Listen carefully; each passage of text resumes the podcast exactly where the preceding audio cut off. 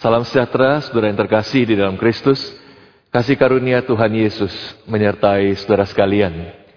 Di dalam masa-masa prapaskah ini, hari ini saya ingin mengajak saudara merenungkan satu kisah yang sangat terkenal, yaitu kisah Petrus menyangkal Yesus. Saudara, mari kita membuka Alkitab kita. Kita akan membaca dua bagian dari Matius 26, Injil Matius 26, kita akan melihat ayat 31 sampai 35 dan kemudian ayat 69 sampai 75. Matius 26 kita melihat dulu bagian pertama Matius 26 ayat 31 sampai 35 dan kemudian 69 sampai 75. Saya akan membacakan bagian firman Tuhan ini Injil Matius 26 ayat 31. Maka berkatalah Yesus kepada mereka, Malam ini kamu semua akan tergoncang imanmu karena aku. Sebab ada tertulis, Aku akan membunuh gembala dan kawanan domba itu akan tercerai berai. Akan tetapi sesudah aku bangkit, aku akan mendahului kamu ke Galilea. Petrus menjawabnya, Biarpun mereka semua tergoncang imannya karena engkau, aku sekali-kali tidak Yesus berkata kepadanya, Aku berkata kepadamu, sesungguhnya malam ini sebelum ayam berkokok, engkau telah menyangkal aku tiga kali. Kata Petrus kepadanya, sekalipun aku harus mati bersama-sama engkau, aku takkan menyangkal engkau. Semua murid yang lain pun berkata demikian. Kemudian kita lanjutkan ayat 69. 69 Sementara itu Petrus duduk di luar di halaman, maka datanglah seorang hamba perempuan kepadanya, katanya, Engkau juga selalu bersama-sama dengan Yesus, orang Galilea itu. Tetapi ia menyangkalnya di depan semua orang, katanya, Aku tidak tahu apa yang engkau maksud. Ketika ia pergi ke pintu gerbang, seorang hamba lain melihat dia dan berkata kepada orang-orang yang ada di situ, Orang ini bersama-sama dengan Yesus, orang Nazaret itu. Dan ia menyangkalnya pula dengan bersumpah, aku tidak kenal orang itu. Tidak lama kemudian, orang-orang yang ada di situ datang kepada Petrus dan berkata, Pasti engkau juga salah seorang dari mereka. Itu nyata dari bahasamu. Maka mulailah Petrus mengutuk dan bersumpah, aku tidak kenal orang itu. Dan pada saat itu, berkokoklah ayam. Maka teringatlah Petrus akan apa yang dikatakan Yesus kepadanya. Sebelum ayam berkokok, engkau telah menyangkal aku tiga kali. Lalu ia pergi keluar dan menangis dengan sedihnya. Demikian pembacaan firman Tuhan. Setelah pandemi COVID-19 telah melanda dunia lebih dari dua tahun, dan virus yang mengerikan itu telah menginfeksi begitu banyak orang di dunia ini. Dari rakyat biasa sampai pejabat dan selebritas. Tidak ada yang kebal terhadap virus ini. Nah, salah satu selebritas yang pernah terpapar COVID-19 itu adalah aktor Dwayne Johnson. Dia aktor Hollywood yang terkenal sekali, saudara. Dwayne Johnson. Dia memulai karirnya sebagai seorang pegulat profesional dan kemudian dia terkenal menjadi aktor yang mungkin sering kali kita lihat dalam beberapa seri film Fast and Furious. Dan dia terpapar COVID-19 pada bulan September 2019. Nah saudara Johnson ini mempunyai badan yang sangat kekar dan otot-ototnya itu luar biasa keras dan kelihatan menonjol sekali. Kalau saudara lihat di film-filmnya, saudara bisa lihat badannya yang besar dan dia sungguh seorang atlet gulat yang terlatih. Oleh sebab itu saudara tidak heran Dwayne Johnson dijuluki apa? The Rock. Batu karang karena badannya seperti begitu kokoh, tidak bisa digoyangkan. The Rock.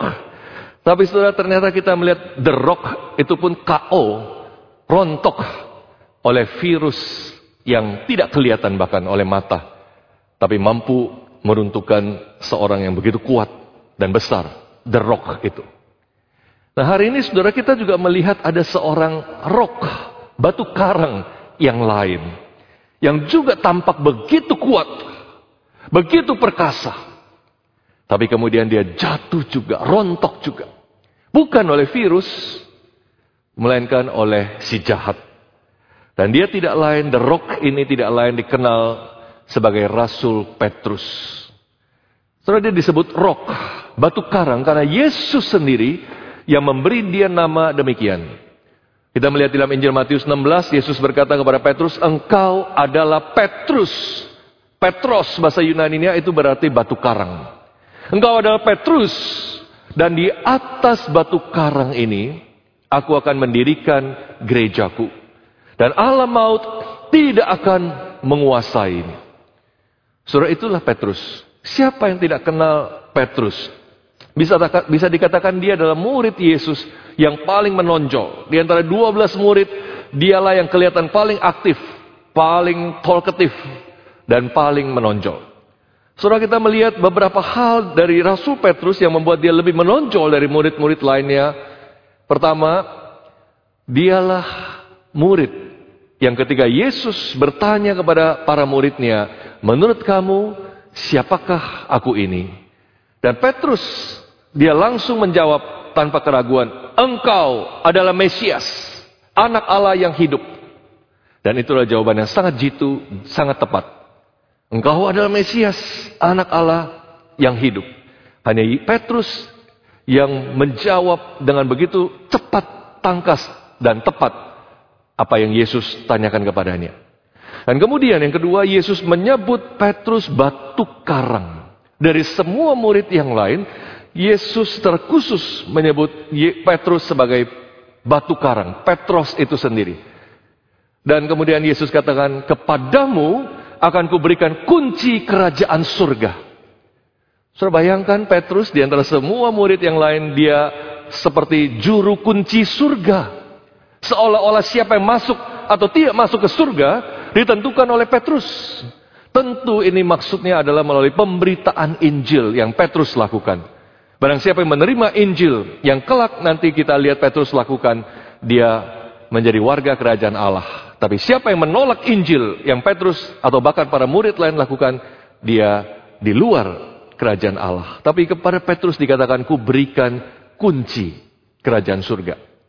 Kemudian saudara kalau kita ingat lagi cerita tentang Petrus, satu episode di mana dia bersama para murid di perahu menghadapi angin sakal, angin yang sangat kuat melawan laju perahu dan mereka semua ketakutan karena Yesus juga tidak ada di perahu itu. Tapi kemudian tiba-tiba Yesus berjalan di atas air dari kejauhan. Dan mereka semua ketakutan, berpikir ini hantu. Karena nggak mungkin ada manusia yang bisa berjalan di atas air dan jangan lupa itu air yang bergelombang tinggi yang sedang kacau sekali. Tapi tidak satupun murid seperti kemudian Petrus yang berani berkata apa? Jikalau engkau itu Yesus, panggillah aku untuk berjalan di atas air menuju engkau. Saudara bisa bayangkan iman seperti apa itu? Tidak seorang pun murid yang berpikir seperti itu. Jangankan air yang bergelombang, air yang tenang saja tidak ada yang berani berpikir untuk bisa berjalan di atas air. Tapi Petrus meminta kepada Yesus, izinkan aku, panggil aku, berjalan kepada engkau di atas air yang sedang bergelombang itu. Itulah hebatnya Petrus. Dan kemudian jangan lupa, ketika Yesus ditangkap, ketika semua murid lain kocar kacir, lari menyelamatkan diri sendiri. Hanya tinggal Petrus yang seperti menjaga Yesus. Dan bahkan dia mencabut pedangnya dan dia bahkan sempat memotong salah satu kuping pegawai atau pengawal dari imam besar, hamba imam besar. Setelah kita melihat inilah Rasul Petrus. Dia adalah figur yang luar biasa. Kelihatan sekali dalam kitab-kitab Injil bagaimana mencatat Petrus sebagai seorang yang cerdas, mencatat dia sebagai seorang tangkas, mencatat dia sebagai seorang berani, selalu mengambil inisiatif, dan mencatat dia tentu seperti juru bicara atau bahkan pemimpin di tengah-tengah para murid Yesus. Dia punya leadership yang kuat sekali. Namun ironis sekali saudara, di tengah-tengah semua catatan Petrus yang begitu baik, catatan terakhir dari Matius tentang Petrus ini adalah tentang kegagalannya. Dan kegagalan yang sangat tragis. Kegagalan yang sangat menyedihkan, penuh dengan ironi. Ayat 75 yang terakhir kita baca tadi mengatakan, Lalu ia pergi dan keluar menangis dengan sedihnya. Itu catatan terakhir tentang Rasul Petrus di Injil Matius. Setelah itu kita tidak pernah lagi menemukan nama Matius dicatat oleh Injil ini. Dan kita melihat itu artinya setelah semua kegemilangan Petrus yang dicatat sebelumnya. Sebaliknya catatan terakhir tentang Petrus itu adalah kegagalannya yang pahit. Satu ironi yang menyedihkan sekali. Nah, saudara kisah kegagalan Petrus ini dimulai ketika menjelang dia ditangkap. Yesus menyatakan apa yang akan segera terjadi kepada para muridnya. Yesus mengutip Nabi Zakaria, dia berkata, malam ini kamu semua akan tergoncang imanmu karena aku. Sebab ada tertulis, Aku akan membunuh gembala dan kawanan domba itu dan akan dan kawanan domba itu akan tercerai berai. Saudara Yesus mengutip Zakaria 13 ayat 7 dan di dalam konteks Nabi Zakaria itu, kitab Zakaria itu gembala yang akan dibunuh itu adalah gembala Israel yang baik. Dan kemudian domba-domba yang akan tercerai berai, yang akan dikacaukan itu adalah umat Israel yang seperti tanpa gembala.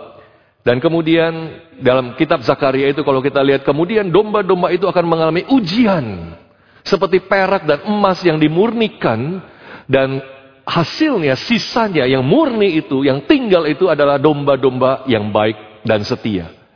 Nah, Yesus melihat perkataan Nabi Zakaria itu apply atau berlaku atau ditujukan juga untuk kondisi dia yang sebentar lagi akan dibunuh. Dan murid-muridnya semua akan tercerai berai, akan semua kabur. Dan semua seolah kebingungan tanpa gembala.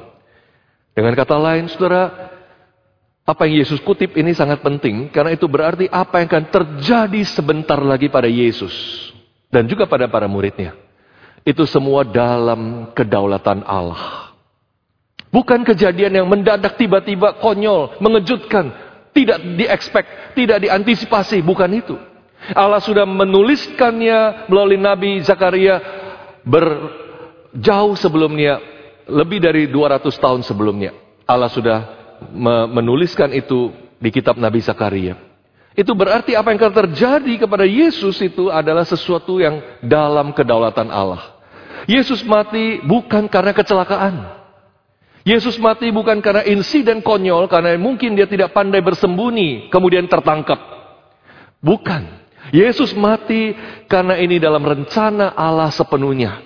Dan Allah sedang melaksanakan rencana itu. Rencana itu sedang di dalam perjalanan untuk digenapi. Maka saudara ketika mendengar perkataan Yesus itulah Petrus mulai memulai kejatuhannya. Maka kita melihat tadi sebuah cerita penyangkalan yang sangat terkenal tentang Yesus, eh, Petrus menyangkal gurunya sendiri, Tuhan Yesus. Dan cerita ini saking terkenalnya sendiri, saudara, sering kali akhirnya sayang sekali menjadi cerita yang berdiri sendiri, yang dari situ kemudian diajarkan supaya kita setia, supaya kita mengikuti Yesus dengan setia. Tentu ini tidak salah, tentu ini pelajaran yang benar. Tapi sering kali cerita ini berdiri sendiri dan tidak pernah dikaitkan dengan kisah salib Kristus. Padahal justru melalui cerita ini, secara cerdik Matius ingin memperlihatkan betapa Petrus sendiri membutuhkan kematian Yesus untuk dirinya. Betapa Petrus sendiri, dia butuh salib yang Yesus begitu fokus sedang menuju kepada salib itu. Dan itu yang Petrus tidak pernah sadari. So, mari kita melihat proses kejatuhan Petrus ini. Paling tidak ada tiga langkah kegagalan Petrus. Yang pertama, saudara, Petrus memandang rendah semua murid yang lain. Dia memandang rendah semua murid yang lain. Ketika Yesus mengatakan bahwa dia akan mati dan semua muridnya akan tercerai cerai berai seperti domba yang tidak bergembala. Kemudian Petrus mengatakan apa? Biarpun mereka semua tergoncang imannya karena engkau, aku sekali-kali tidak akan. Dalam bahasa aslinya bahkan lebih eh, Petrus kelihatan lebih sombong lagi. Meskipun mereka semua akan jatuh, aku tidak akan jatuh. Ya dia membandingkan orang lain dengan dirinya sendiri. Dan dia berkata, oh, ya orang lain pasti jatuh. Tapi aku tidak akan. Sudah bayangkan Petrus mengatakan itu di depan para murid yang lain. Bagaimana perasaan murid-murid yang lain? Mungkin kita berpikir, wah semua akan bilang sombong banget kamu. Atau jangan-jangan murid-murid lain sudah terbiasa dengan karakter Petrus sehingga bahkan sudah bahkan tidak merasa apa pun dari perkataan Petrus itu. Tapi itu yang Petrus katakan. Biarpun mereka semua jatuh, biarpun mereka semua tersandung, aku sekali-kali tidak akan jatuh, tidak akan tersandung. Tapi kemudian yang Petrus sama sekali tidak pernah expect, tidak pernah harapkan. Yesus kemudian berkata, Aku berkata kepadamu sesungguhnya malam ini sebelum ayam berkokok, engkau telah menyangkal aku tiga kali. Saya bisa melihat betapa Petrus mungkin merasa kesal. Karena bahkan ketika dia menjanjikan dia pasti akan kokoh, Yesus berkata engkau pasti jatuh.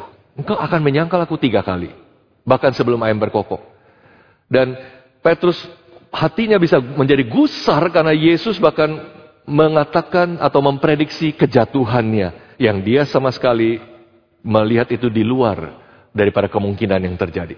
Yesus Petrus memandang rendah semua murid lain. Dan yang kedua, akibat langsung daripada itu otomatis dengan demikian Petrus memandang tinggi dirinya. Petrus memandang tinggi dirinya. Dia berkatakan, sekalipun aku harus mati bagi engkau, bersama-sama dengan engkau, aku tidak akan menyangkal engkau. Aku tidak akan pernah menyangkal engkau. Kalau bahkan kita melihat dalam struktur bahasa Yunaninya itu memakai struktur satu kata penegasan. Yang kalau diterjemahkan ke dalam bahasa Inggris seperti I will never, never, never deny you. Itu yang Petrus katakan. Seperti dia begitu yakin kepada dirinya sendiri. Begitu pasti kepada iman dirinya, kesetiaan dirinya, kehebatan dirinya. I will never, never, never deny you. Itu yang Petrus katakan kepada Yesus. Mungkin Petrus didorong oleh kebanggaannya menyandang nama Petros, batu karang. Mungkin Petrus mengingat siapa dirinya yang seperti Yesus katakan kepadamu ku berikan kunci kerajaan surga. Dia berkata, dia mengingat, wow, I am special. Saya bukan murid sembarangan. Hanya Yesus, Yesus berkata hanya seperti itu hanya kepada saya, bukan kepada murid yang lain. Itu sebabnya dia menjanjikan sekalipun mereka semua meninggalkan engkau, aku nggak akan meninggalkan engkau. Orang lain boleh takut mati, karena engkau. Tapi aku tidak pernah takut mati. Nyawaku pun kuserahkan bagimu. Itu janji Petrus bagi Yesus. Kenyataannya, Petrus tidak sekuat apa yang dia pikir. Dan yang ketiga, kesalahan proses kejatuhan Petrus itu adalah dia sama sekali tidak melihat bahwa dia membutuhkan salib dalam perjalanannya sebagai seorang murid Kristus. Dia tidak sama sekali melihat betapa dia membutuhkan kematian Yesus di depan mata yang Yesus katakan, Tom, sang gembala akan dibunuh. Dan dia tidak melihat itu necessary, itu perlu. Apalagi buat dia sendiri. Dia begitu mengandalkan kekuatannya, kemampuannya, kelebihannya. Dan dalam perjalanan seorang murid, dia selalu berpikir, semua akan bisa karena saya, karena siapa saya. Petrus, batu karang. Karena siapa saya? Pemegang kunci kerajaan surga. Dan dia tidak pernah sama sekali melihat bahwa dia membutuhkan salib Kristus. Dan saya kira inilah kesalahan Petrus yang paling fatal. Dari mulai Petrus berjanji bahwa dia akan beserta dengan Yesus. Bahkan ketika semua orang meninggalkan Yesus, dia sudah berjanji dia tidak akan meninggalkan Yesus. Sampai dia kemudian mengikuti Yesus yang digiring ke rumah imam besar untuk diadili dengan tidak adil di sana. Kita melihat Petrus selalu berpikir bahwa dialah yang akan menyelamatkan Yesus. Bukan Yesus yang menyelamatkan dia. Dia selalu berpikir Yesus butuh dia. Bukan Petrus yang butuh Yesus. Dia selalu berpikir I will be the hero. Bukan Yesus yang menjadi hero buat dia. Itu yang selalu ada dalam pikiran Petrus. Ketika Yesus sedang begitu terfokus menuju salib, tidak beralih sekalipun, tidak terdistraksi sekalipun, Petrus sama sekali tidak pernah melihat betapa dia membutuhkan salib dan kematian Kristus itu karena dia meyakini dirinya sendiri begitu kuat. Akan tetapi sudah dalam kenyataannya, kemudian kita melihat sebenarnya ada sedang dua trials, dua pengadilan yang sedang berlangsung. Pengadilan pertama, Yesus di dalam rumah imam besar, di depan mahkamah agama.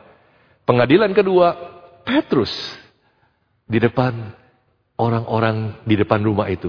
Yang kebanyakan adalah dalam strata sosial masyarakat waktu itu orang-orang rendah, para hamba, penjaga, orang-orang yang lalu lalang, bystanders, orang-orang yang kebetulan ada di sana.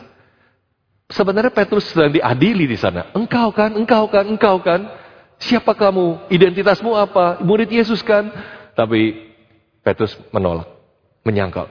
Maka saudara kita melihat kontras dua pengadilan ini. Ketika Yesus tanpa takut, fearless, menghadapi kuasa-kuasa agama yang luar biasa yang sedang mengadili dia. Petrus sebaliknya fearful, ketakutan di tengah-tengah orang yang tidak punya kuasa apa-apa sebenarnya. Padahal dia sudah menjanjikan, aku nggak akan sekali-sekali meninggalkan engkau. Aku sekali-sekali tidak akan menyangkal engkau. Sekalipun aku harus menyerahkan nyawaku bagimu, aku siap. Tapi kenyataannya yang ketakutan bukan Yesus di hadapan para penguasa. Tapi Petrus yang ketakutan di depan orang-orang yang tidak punya kuasa apa-apa. Ironis sekali kejatuhan Rasul Petrus. Maka kemudian dia menyangkal gurunya sampai tiga kali. Kadang-kadang saya berpikir, setelah dia menyangkal sekali, apa dia tidak berpikir, wow, sudah mulai jangan-jangan ini apa yang dikatakan Yesus tiga kali. Dia sudah mulai sekali.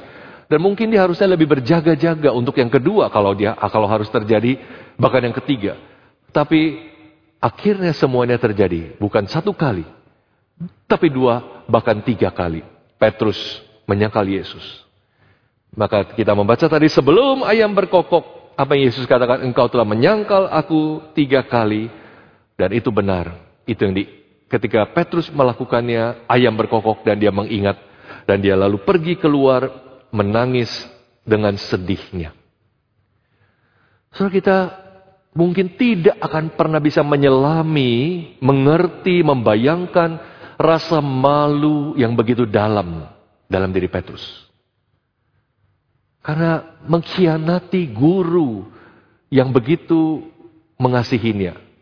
Kita tidak pernah bisa membayangkan, membayangkan dan menyelami rasa penyesalan Petrus yang luar biasa.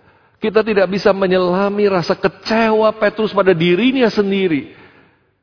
Karena bahkan dia melakukan itu setelah dia berjanji manis begitu banyak. Mending, tanda kutip, mending kalau dia nggak janji apa-apa, dia jatuh tanda kutip masih lumayan lah karena dia memang nggak janji. Ini sudah janji, janji begitu banyak, memperlihatkan dirinya sebagai seorang hero di depan Yesus. Tapi justru yang terjadi kebalikannya. Betapa malu, betapa kecewa pada diri sendiri, betapa menyesal pada diri sendiri karena pengkhianatan kepada guru yang dia kasihi. Sudah bisa bayangkan setelah peristiwa itu ketika dia berjumpa dengan murid-murid yang lain dan mereka memanggil dia Petrus. Malu banget nama Petrus, batu karang. Saya saya tidak layak jadi batu karang. Sudah bisa bayangkan terlebih lagi setelah peristiwa itu tiap pagi mendengar ayam berkokok. Apa yang bisa diingat Petrus? Dia tidak pernah lupa setiap kali ayam berkokok.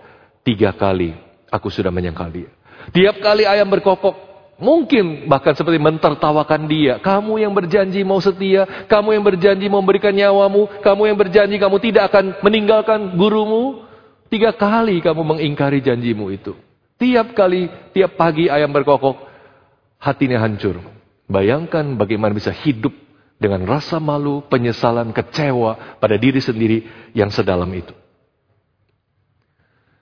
Membaca kisah ini, saudara, pengkhianatan Petrus kepada gurunya. Mungkin dengan mudah kita bisa menuding Petrus dan menyalahkannya. Ah, Petrus, mungkin kamu memang terlalu sombong. Petrus, kamu mungkin terlalu pongah. Kamu mungkin terlalu mengandalkan dirimu sendiri. Tidak heran kamu jatuh. Dan kita mungkin menggeleng-geleng kepala. Kok gampang begitu sih jatuh? Ya. Kita menghakimi Petrus, menyalahkan Petrus, dan kita turut menyesali apa yang telah dilakukan oleh Petrus. Tapi saudara, ingat baik-baik. Kalau Petrus bisa jatuh, kita pun bisa jatuh. Kalau Petrus mungkin murid yang paling kuat itu jatuh. Itu berarti itu bisa terjadi juga pada kita yang paling berkobar-kobar dan paling semangat mengikuti Yesus. Kita tidak kebal, kita tidak lebih baik dari Petrus. Bahkan mungkin siapa di antara kita yang paling kuatlah yang berada di dalam potensi bahaya kejatuhan yang lebih besar. Kita harus selalu ingat itu. Maka saudara coba saudara pikirkan, ketika Petrus jatuh, apakah Petrus jatuh dalam titik dia yang paling rendah ketika dia paling lemah? Atau sebaliknya, dia jatuh ketika tit, dalam titik kekuatannya ketika dia paling kuat? Yang mana? Jawabannya adalah Petrus justru jatuh dalam titik kekuatannya. Ketika dia menyatakan diri, dia membuktikan kehebatannya. Di situ dia jatuh. Saudara bayangkan, Petrus hampir membuktikan semua janjinya kepada Yesus. Kita melihat bagaimana ketika Yesus ditangkap, ketika semua murid ketakutan, justru Petrus dengan gagah berani mencabut pedangnya dan dia siap melawan. Dia siap seperti mau membunuh siapa yang berani menyentuh gurunya. Bahkan kemudian dia nekat memotong kuping, satu kuping dari salah satu imam, hamba imam besar. Petrus berani melakukannya. Sebenarnya dia sedang membuktikan janjinya, dia tidak, lari. Dia sedang membuktikan janjinya, dia tidak akan meninggalkan Yesus. Petrus lumayan setia sebenarnya pada janjinya, pada Yesus. Dan ketika semua murid sudah kocar kacir, kabur, entah ke mana, mencari selamat sendiri. Petruslah yang mengikuti Yesus dalam tawanan para pengawal imam besar menuju rumah sang imam besar itu. Dia tidak tega, dia tidak rela meninggalkan gurunya. Mungkin dia ingat saya sudah janji saya tidak akan meninggalkan dia. Saya sudah janji bahkan untuk mati bagi dia pun saya siap. Maka Petrus tidak kabur. Ketika semua murid sudah tidak tahu ke mana, dia dari jauh mengikuti Yesus. Maka ketika Yesus masuk ke rumah imam besar, dia tetap di luar rumah itu. Namun justru di situlah dia jatuh. Justru oleh sebab itu kita lihat di titik kekuatan Petrus, dia jatuh. Maka saudara kita harus selalu ingat apa yang Rasul Paulus katakan dalam 1 Korintus 10, 12. Barang siapa yang menyangka bahwa ia berdiri teguh, hati-hatilah supaya dia jangan jatuh. Barang siapa yang sedang menyangka bahwa dia berdiri teguh, hati-hatilah supaya dia jangan jatuh. Tapi saudara, apa yang menarik dari kisah kegagalan Petrus ini adalah bahwa kisah ini ternyata tidak disembunyikan. Saudara bisa bayangkan di kemudian hari kita tahu Petrus kemudian menjadi pemimpin gereja. Dia menjadi seorang yang sangat terkenal dalam sejarah gereja mula-mula. Bayangkan dia sebagai pengkhotbah pada hari Pentakosta dan 3000 orang bertobat. Dan kemudian masih begitu banyak orang bertobat karena pelayanan Petrus. Dan kemudian dia menjadi salah satu soko guru, tiang penopang gereja mula-mula. Saudara bayangkan, kalau begitu cerita ini harusnya disembunyikan, bukan? Malu. Masa seorang pemimpin gereja pernah di masa lalunya berbuat seperti ini, menyangkal gurunya? Harusnya cerita ini adalah cerita yang tidak disebarluaskan ini hanya untuk kalangan sendiri. Mungkin cuma murid-murid aja yang tahu tidak perlu disebarluaskan. Malu banget. Tapi kenyataannya tidak. Kalau kita melihat Injil Markus. Markus itu menulis Injilnya atas uh, apa cerita-cerita dari Rasul Petrus. Karena Markus adalah anak rohani Petrus. Itu artinya Petrus sendiri yang menceritakan kisah ini kepada Markus untuk dia tulis. Dan kemudian para penginjil yang lain banyak yang mengikuti versi Markus. Karena para ahli percaya Injil Markus yang pertama kali ditulis. Dari semua kitab Injil yang ada di dalam perjanjian baru. Maka saudara, bagi seorang pemimpin gereja seperti Petrus, sebenarnya ini ada cerita yang memalukan dan harusnya disembunyikan. Ini skandal besar. Memalukan. Tetapi kenyataannya skandal ini tidak disembunyikan. Justru dimasukkan ke dalam kitab yang kita sebut sebagai kitab Injil. Kitab kabar baik. Bayangkan. Di mana kabar baiknya? Mengapa cerita yang sangat memalukan ini, skandal ini bisa masuk dalam kitab yang kita sebut Injil. Injil Matius, Markus, Injil Lukas, dan Injil Yohanes. Semuanya mencatat peristiwa ini. Kabar baiknya, Injil itu bukan pada Petrus sendiri, tetapi pada Yesus yang disalib itu. Dan bersyukur kita melihat catatan paralel dalam Injil Lukas yang pada kisah yang sama Lukas 21 eh Lukas 22 ayat 31 dan 32 kita melihat Yesus berkata kepada Petrus Simon Simon lihat iblis telah menuntut untuk menampi kamu seperti gandum iblis dan kemudian Yesus berkata tetapi aku telah berdoa untuk engkau supaya imanmu jangan gugur dan engkau jika engkau sudah insaf, kuatkanlah saudara-saudaramu. Inilah Injil itu. Saudara, jangan lupa tadi Yesus berkata gembala akan mati dan domba-dombanya akan dicerai beraikan. Tapi kemudian Yesus lanjutkan, itu yang sering kali kita lupakan. Dia berkata, tapi sesudah aku bangkit, aku akan memperlihatkan diri kepada kamu di Galilea. Itu yang tidak dipikirkan Petrus dan para murid lain. Tapi Yesus ketika berkata dia akan mati, Yesus juga menjamin kebangkitannya, kemenangannya. Dan itu sebabnya Yesus berkata kepada Petrus, aku mendoakan engkau. Supaya engkau insaf, engkau bertobat.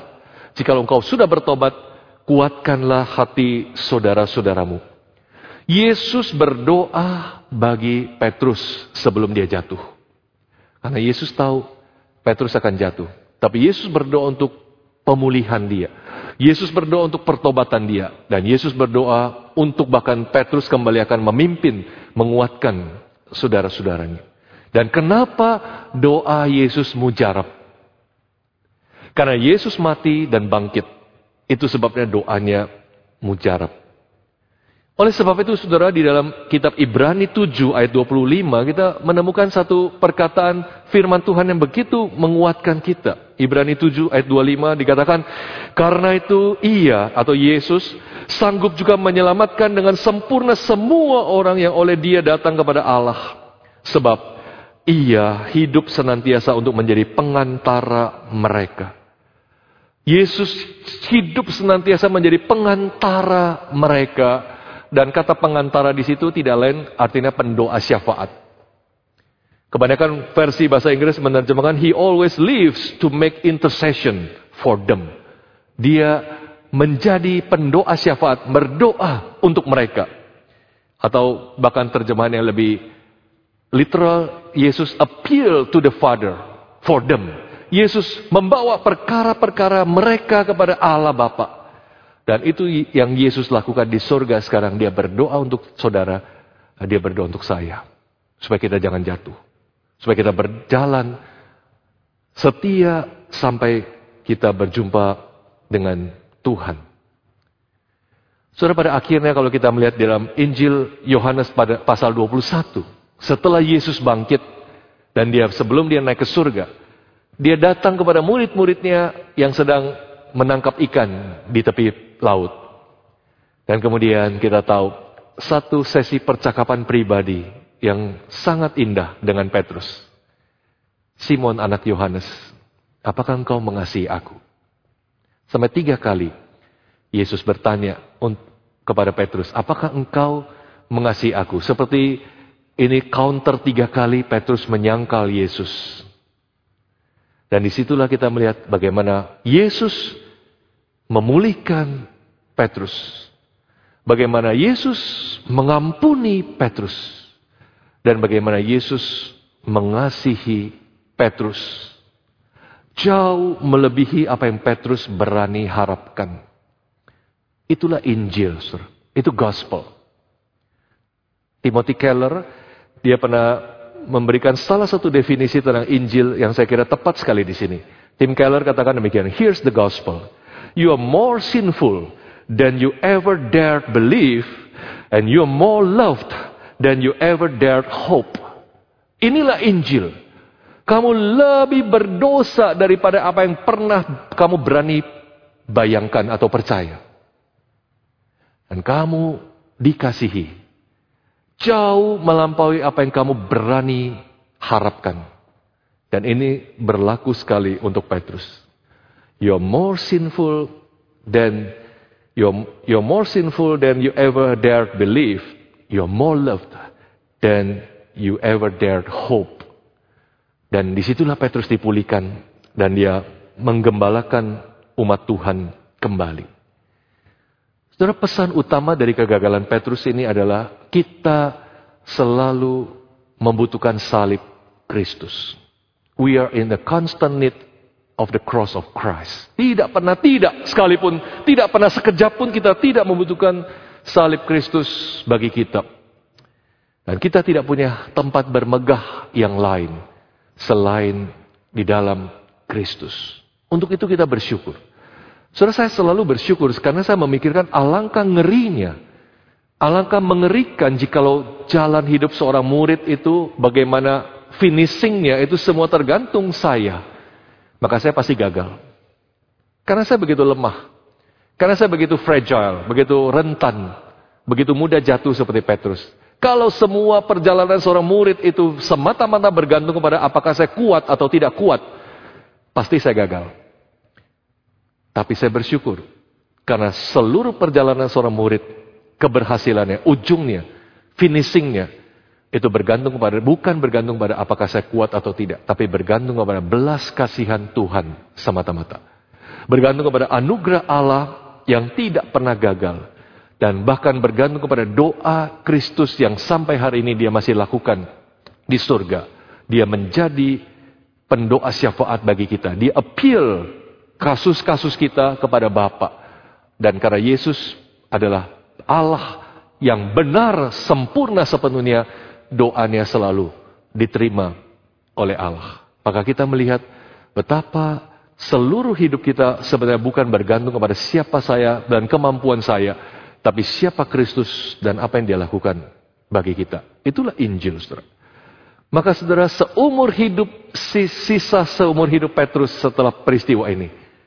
Saya percaya, pada akhirnya Petrus akan tahu, the real rock is not him. Yesuslah the rock yang sejati. Yesuslah batu karang yang sejati, bukan dia. Dia cuma debu yang rapuh. Dia cuma debu yang bertiup sebentar ada kelihatan dan angin bertiup sebentar dia ada dan kemudian dia hilang. Pada akhirnya Yesus Petrus tahu bahwa hanya berdiri di atas batu karang Yesus Kristuslah dia akan sanggup bertahan sampai kepada kesudahannya. Itulah kabar baik untuk kita semua juga hari ini. Saudara hari ini mari saudara pertama kita bersyukur kembali. Give thanks to the Lord. Bersyukur kepada Allah untuk anugerahnya yang begitu besar. Yang melampaui bahkan yang berani kita harapkan. Itu bersyukur untuk itu. Yang kedua, berlawanan dengan kecenderungan dunia yang selalu ingin survive kehidupan ini dengan kekuatan sendiri, dengan kelebihan kebesarannya, yang hari ini banyak salah satunya diwujudkan dalam bentuk flexing, pamer, pamer kekayaan, pamer kemewahan, pamer derajat, status, dan sebagainya. Maka sebaliknya kita melihat, mari kita mengambil jalan yang berbeda. Yaitu bermegah dalam kelemahan-kelemahan kita.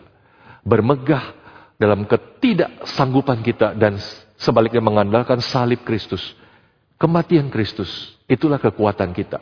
Seperti Rasul Paulus yang berkata, Aku lebih senang dalam kelemahan. Sebab dalam kelemahanlah kuat kuasa Kristus disempurnakan. Itulah jalan yang harusnya kita ambil. Dan bukan jalan dunia hari ini. Yang show of power.